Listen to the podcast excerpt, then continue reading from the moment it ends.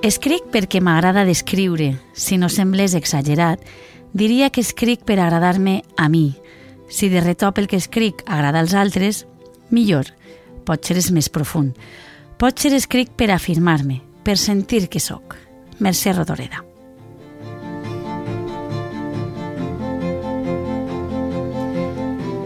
I encetem un nou episodi de l'Arquitectura de la Ficció, el podcast de Bromera, on ens endinsem en, en la cuina o en l'estructura de la casa dels nostres creadors i creadores per a conèixer una miqueta les tècniques que, que utilitzen i gràcies a, a Vicent Uso n'aprenem moltíssim. Vicent, benvingut. Hola, encantat d'estar novament així.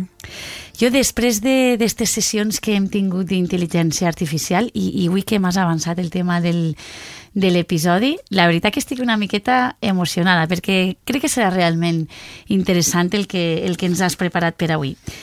I només cal, cal veure't com, com vas, perquè sembla que, que te'n vas de viatge o que te'n vas a, a buscar algun tresor. Què, què passa? Per què ho dius, això? Perquè no, no és corrent que tingues davant teu tan ben desplegat eh, un mapa, que, que portes una brúixola. Ja t'he dit que avui crec que serà especial, aquest episodi. Em sap mal de sebre't, però no tinc notícia de cap tresor ni me'n vaig de viatge. Aleshores? Eh, tot té una explicació. Mira, però si et sembla, comencem pel principi. Per on comença un llibre, el lector? Normalment per la primera pàgina. Molt bé, i l'escriptor també en el moment d'escriure la primera frase? Això ja no ho sé, suposa que no necessàriament. No, no és el més habitual començar per la primera frase. Ja no parlen ni tan sols de la primera frase que es troba el lector, sinó de la primera frase del text que moltes vegades acaba després eh, corregida o, o alterada o acaba enmig. O... Per tant, no, no és en absolut corrent, tot i que eh, en aquesta matèria sempre hem de dir que depèn d'autors, perquè cadascú té la seva manera de fer.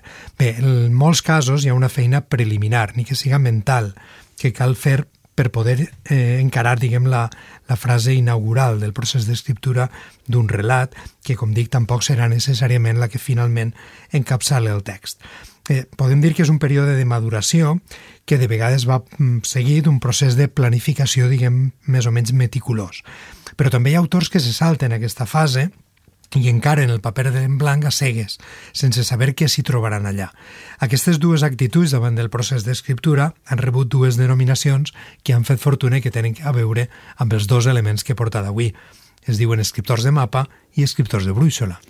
Ara ho entenc i, i és que em resultava atractiu el titular d'avui. Eh, però on comencem? Per els escriptors brúixola? Bé, podem començar pels de Bruixela. Mira, diríem que són aquells que es posen a crear a partir d'una idea molt vaga del que volen fer, del que volen escriure, i deixen que la història i els personatges vagin sorgint a mesura que escriuen. Segons aquests autors, un dels majors encants de l'ofici d'escriptor és anar descobrint la història a mesura que creix, és a dir, a mesura que ells la van escrivint. En la seva opinió, una planificació inicial excessiva pot limitar la creativitat i constrènyer en excés l'obra. Aquesta fórmula, la veritat és que requereix molta experiència i un gran domini tècnic, per no acabar massa sovint en un carreró sense eixida, i sobretot obliga contínues revisions del material ja escrit per tal d'eliminar excrescències, línies, paràgrafs, capítols o personatges que han perdut el sentit, per arrodonir també aspectes que han pogut quedar sols i acabar de modelar l'obra en funció dels paràmetres que s'han anat adoptant en el procés i que no estaven en un, en un principi. Em sembla fascinant el, el procés. Tu pots citar-ne algun perquè una miqueta els, els seguidors se situen. Mira, entre els autors que han manifestat d'estimar-se més la brúixola que, que no el mapa, hi ha, per exemple, Javier Tomeo.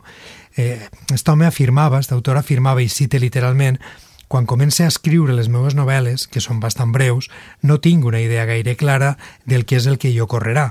Entreveig, això sí, els paisatges literaris pels quals m'introduiré, però desconec prèviament quins són els senders que seguiré. Uh mhm. -huh. En citaria més, per exemple, Manuel Baisauli, que fa servir una metàfora que a mi em sembla molt, molt interessant, i que diu que per a ell la planificació suposa un viatge organitzat a un lloc previsible, mentre que la brúixola és una aventura que de vegades et porta a llocs sense substància, però que en altres et fa descobrir indrets meravellosos.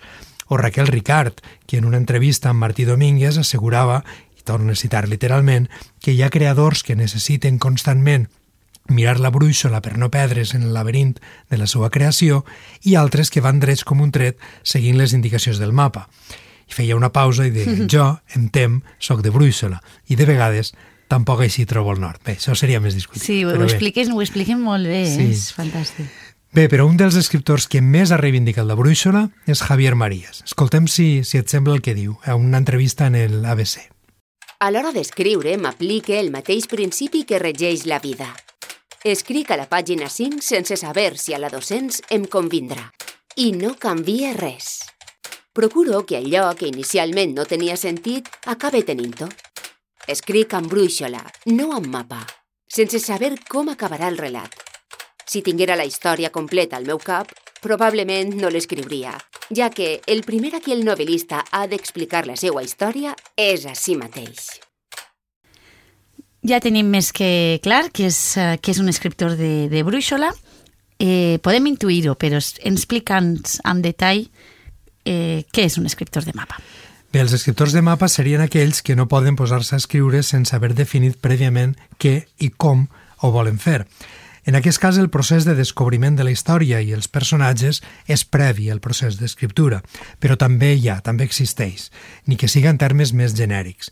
De fet, pot incloure lectures prèvies, recol·lecció de tanta informació com es consideri oportuna, elaboració d'esquemes, fitxes, sinopsis, currículums dels personatges, poden dibuixar escenaris, en fi, tants recursos com calga. Una vegada detallada el pla de l'obra, escriure diríem que consisteix a donar-li a poc a poc forma narrativa a unes idees que ja estan molt elaborades i, per tant, el text que en resulta requerirà probablement, i això tampoc és segur, de moltes menys revisions. Clar, els crítics d'aquest sistema argumenten que deixa poc de marge a la creativitat i que el procés d'escriptura perd un poc l'encant de la descoberta, que es limita a seguir un camí prèviament traçat i per tant no té gràcia. Igualment requereix un temps de preparació molt més ample eh, abans de posar-te a escriure, que alguns escriptors delerosos de posar-se a omplir fulles i fulles no poden aguantar, especialment si, com li he sentit dir a Jaume Cabré en una frase molt xula, han arribat a un punt en què s'escriuen a sobre. M'agrada molt. Imagina que també tindrem per ahir a mà alguns, alguns escriptors de mapa, per a que ho tinguem més, més clar. Bé, entre els escriptors que reconeixen que sense una planificació intensa no poden posar-se a escriure, hi ha, per exemple, J.K. Rowling, que ha de construir, segons ella, diagrames detallats de la trama, perfils de personatges i mapes del món màgic abans de començar a redactar els llibres. O Margaret Atwood, per exemple, l'autora mm. del conte de la Serventa, que ha explicat en diverses ocasions que utilitza esquemes i notes detallades per definir l'estructura i els personatges de les novel·les abans, sempre, de començar a escriure. O entre nosaltres, Anna Moner, que fins i tot dibuixa, ella és artista, clar, i s'ho pot permetre, jo faria un bunyol, eh, dibuixa amb precisió els escenaris on transcorren les seues obres. Ara, et diré que ningú tan extrem, almenys que jo sàpiga, com John Irving. Escoltem què diu i després ho comentem. Gran part del treball, gairebé tot, el faig abans de prémer la tecla de la primera lletra. Com a narrador sempre he cregut i m'he preocupat per tenir ben armat l'esquelet, el pla de ruta, el mapa narratiu que, en general, em pren uns dos o tres anys traçar en la seva totalitat. Jo tracte de retardar l'acte de l'escriptura el màxim temps possible, anar augmentant la pressió a poc a poc, fins que un bon dia arranque i ja ho sé tot, o almenys sent que així és. Escriure coneixent tot el que els passarà als teus personatges és llavors una cosa molt semblant a llegir. I tenint perfectament clar l'argument, pots donar-te el luxe de preocupar-te només pel llenguatge i l'estil. Escriure és una cosa molt semblant a llegir. Com, com pot fer eh, aquesta persona per assolir un grau tan, tan elevat i tan detallista de planificació? La veritat és que jo no ho sé perquè no sóc capaç d'arribar a tant ni de lluny.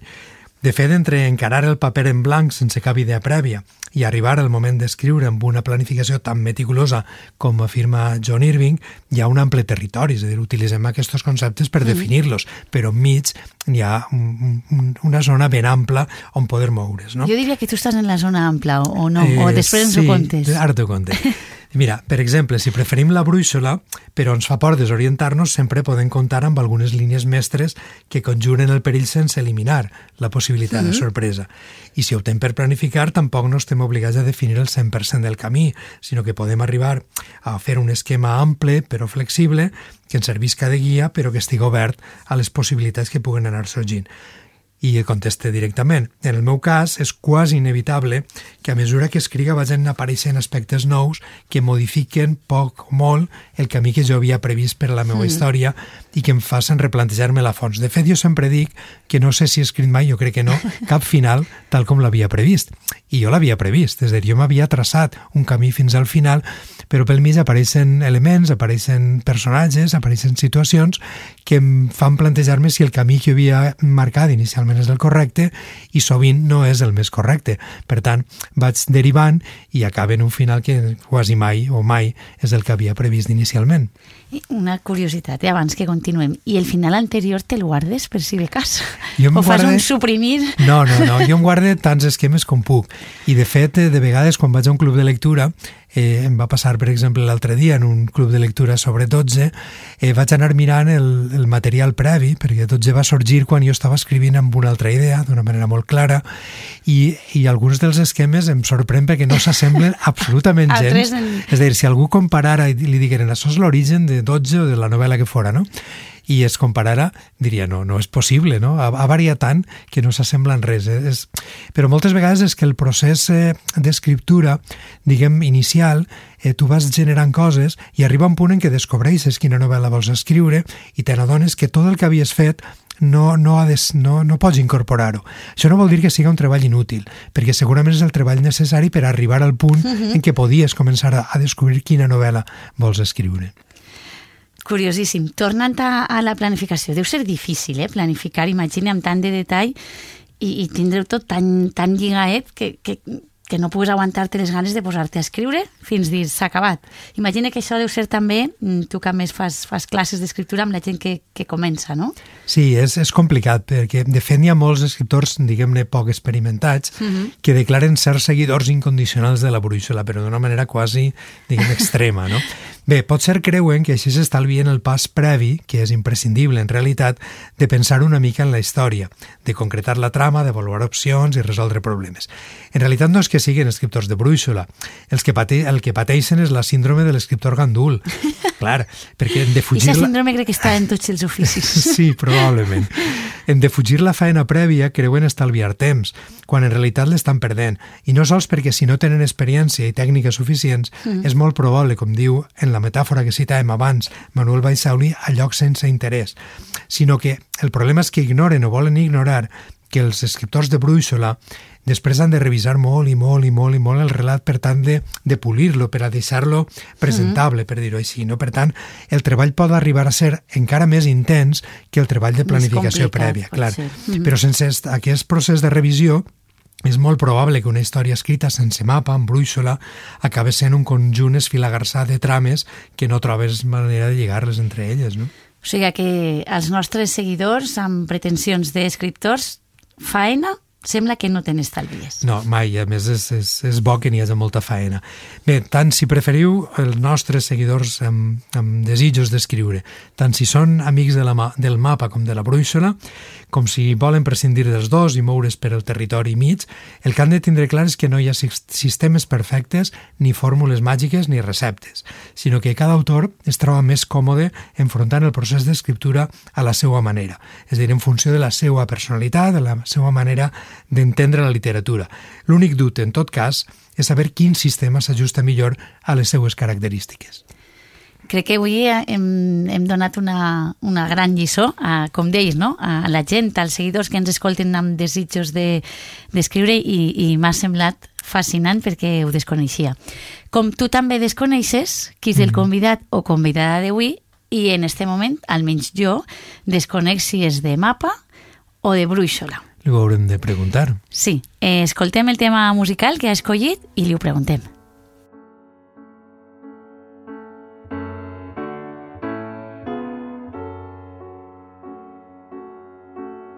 Temo haber vivido mi vida como si ello fuera un simulacro.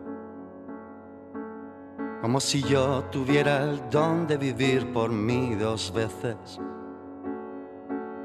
De haber dejado a un lado la que importa en prenda de una vez futura.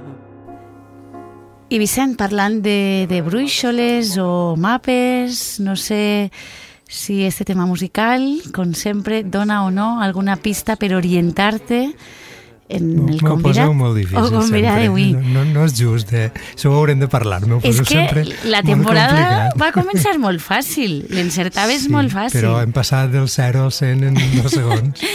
Bé, però a mi, no sé tu, eh, però a mi m'agrada perquè també és una manera, així que intentem entrar a la cuina de, dels creadors i creadores i, i de conèixer o, o despullar en el bon sentit de la paraula a, als convidats, és una primera manera de saber un poquet més d'ells, no creus? Sí, quan sé, quan sé qui són ja, ja em dona més pistes, però així de moment... Vinga, va, no, no et mantenim més a, a En l'espera. tot cas, el que sí que constate novament és que tenen molt bon gust, tots els convidats. és veritat. Jo, alguns, gust, alguns temes musicals són compartits i, i en descobrís de nous. Mhm. és, és fantàstic. Anem a donar ja la benvinguda a Joan Benesiu. Moltes gràcies per acompanyar-nos a l'arquitectura de la ficció. Hola, què tal? Com esteu? Hola, Joan. Encantats de... Què tal, Vicent? Hola. Així estem. Estem encantats de tenir-te per així i, i Vicent, té, té ganes de saber no, per què este tema musical per, a, per acompanyar-nos avui. Doncs, a mi sempre m'interessa o m'interroga esta qüestió del simulacre, no? I un dia vaig ensopegar amb, amb este tema de, de Rafael Barrio, que és un cantautor basc que, que va morir a, al coronavirus, a, la- a l'epidèmia del coronavirus, i em semblava que parlava de moltes de les coses que parle jo, que vull parlar jo amb els llibres, i bueno, per això m'ha paregut que estava bé posar-lo. Joan, comencem pel, pel principi i per lligar una miqueta amb el que hem estat xerrant amb, amb Vicent. Sí. Escriptor de brúixola o de mapa? Bueno, jo clarament sóc un escriptor de brúixola. Eh, sóc incapaç de fer-me un mapa o una estructura de, de la novel·la que estic escrivint i partís sempre de conceptes, conceptes abstractes que de vegades tenen que veure amb el, amb el que jo he pensat en altres èpoques, pot ser de la meva vida, al voltant de, de conceptes filosòfics i que ara pues, tracte de plasmar en, en ficcions narratives eh, amb aquests conceptes tira endavant i, i jo mateix no sé què va passar amb la història i és veritat que això pues, pues fa que, que te quedes extraviat de vegades, que te quedes encallat, però bé, és la manera en què m'agrada composar les històries, la manera en què disfrute. De vegades penses si no estic sent un escritor de brúixola, però la brúixola la du un gos i el gos va, va caminant i, va fent digressions. I tu vas darrere, no? És més complicat, no? Perquè ja sabeu que els gossos mai caminen en línia recta, no? Sempre van fent les seues, les seues tropelies per ahí. Eh, molta gent es, es eh, pensa que, que planificar una novel·la, és a dir, ser escriptor de mapa estricte, eh, porta molta feinada i que, que bueno, comentàvem ara fa una estona, que molts escriptors poc experimentats, podem dir-ho així, pensen que el ser de brúixola du molta menys feina.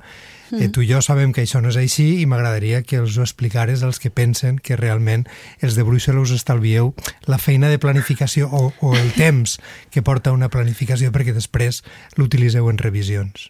M'agradaria que m'ho explicares tu. Que... Sí, sí, clar, eh, és verit...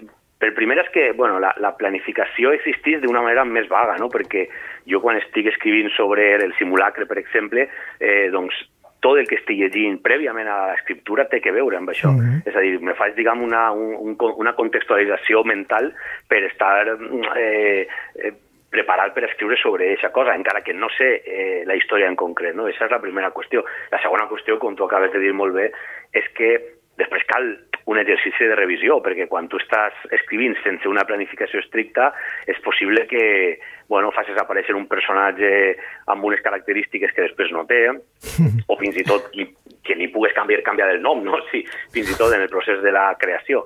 En fi, queden molts, molts caps per, per lligar i, per tant, la revisió és eh, exhaustiva i ha de ser eh, llarga i moltes vegades sempre vas trobant errades o vas trobant coses que s'han de millorar o que se poden millorar, així que és complic... És, potser és, és bonic el començament, però després el, el moment en què dius ara ja està és difícil de saber quan i costa, sí, sí. Clar. Clar. A mi m'ha agradat el concepte extraviat. Escriptor, és que, què és aquest punt en el que te trobes extraviat? Quan és quan passa això? Bé, de vegades com que no tens una planificació estricta del que va passar, hi ha un moment en què la història entra en un, en un atzucac, no? en, un, en un carreró sense eixida, en un, en un lloc en què tu mateix no saps eh, què fer. Aleshores jo el que faig és passejar.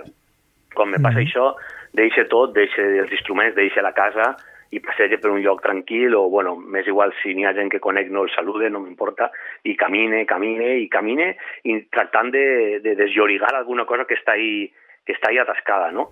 I, bueno, de vegades jo crec que quan ja no sé quants quilòmetres duc caminant, aleshores pareix que algo se reblanix ahí en el cervell i, i pot vindre una solució, però, bueno, pot vindre, igual necessite passejar diversos dies, no sé, depèn de, del moment. O sigui que la solució a l'escriptor extraviat és l'escriptor cansat, no?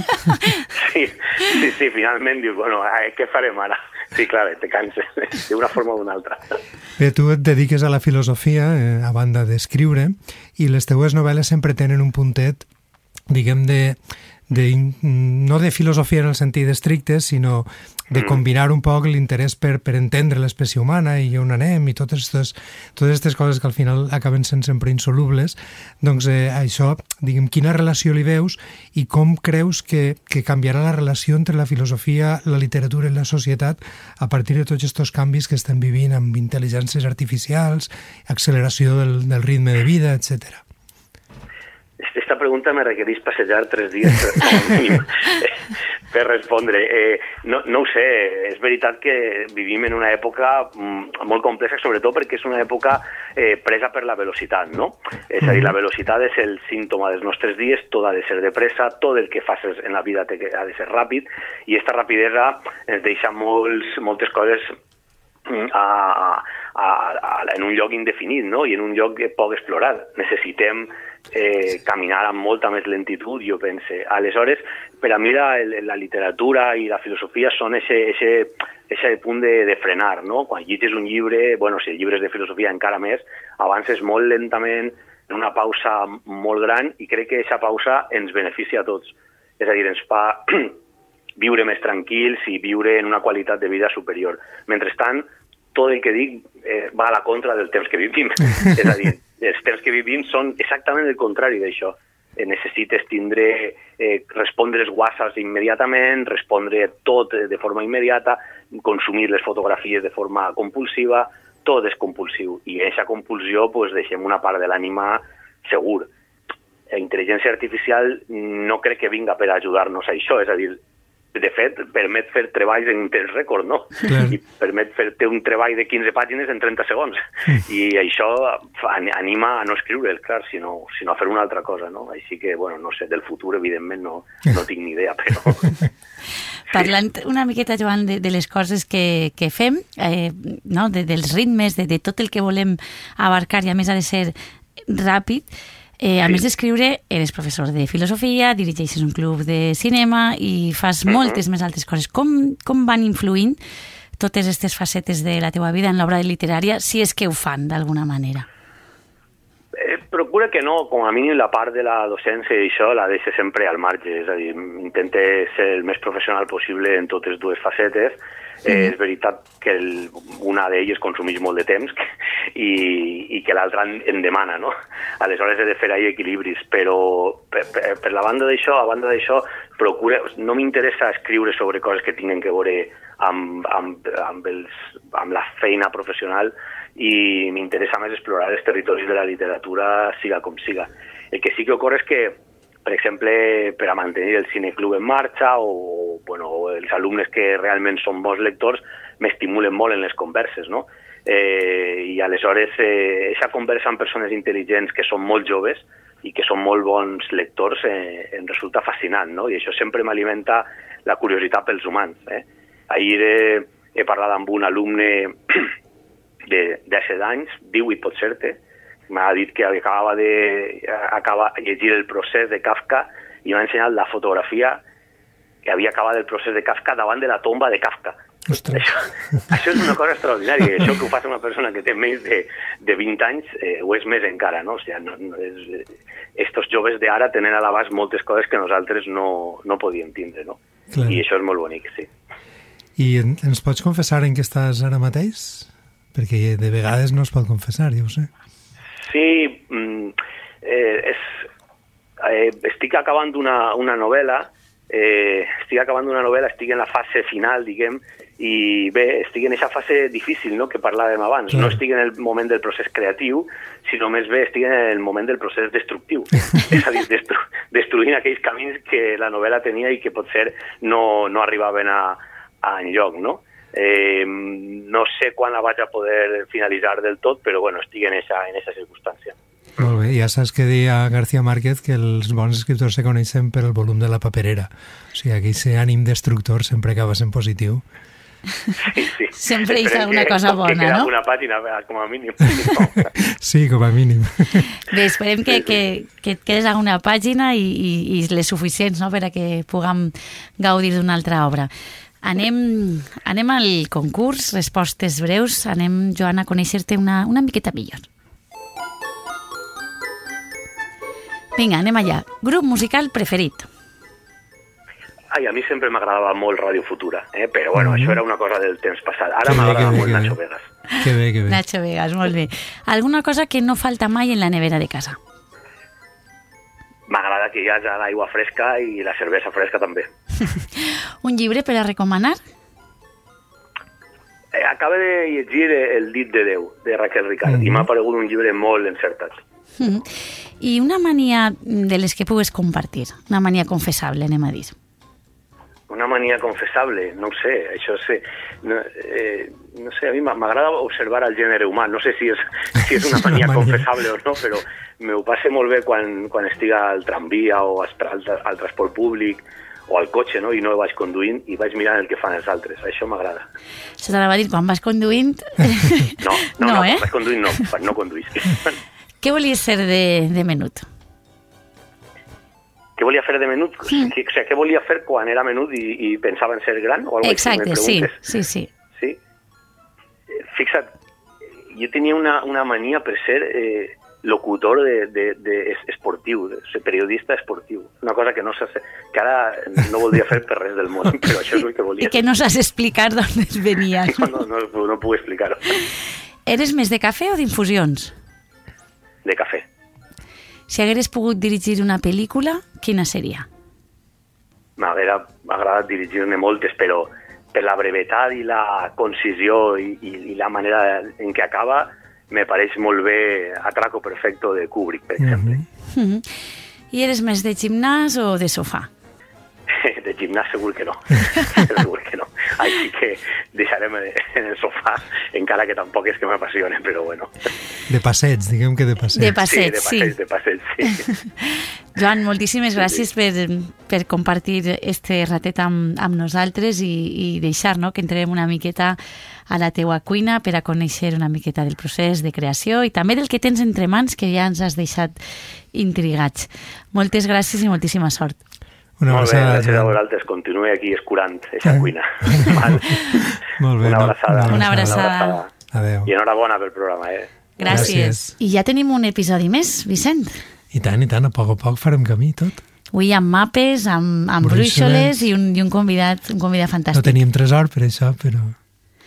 Molt bé, doncs eh, ens escoltem en el, en el pròxim episodi, seguim acumulant eh, el coneixement que comparteixen també amb nosaltres els convidats, agrair com sempre a Bromera que fa possible aquest espai i ens sentim pronte, Vicent.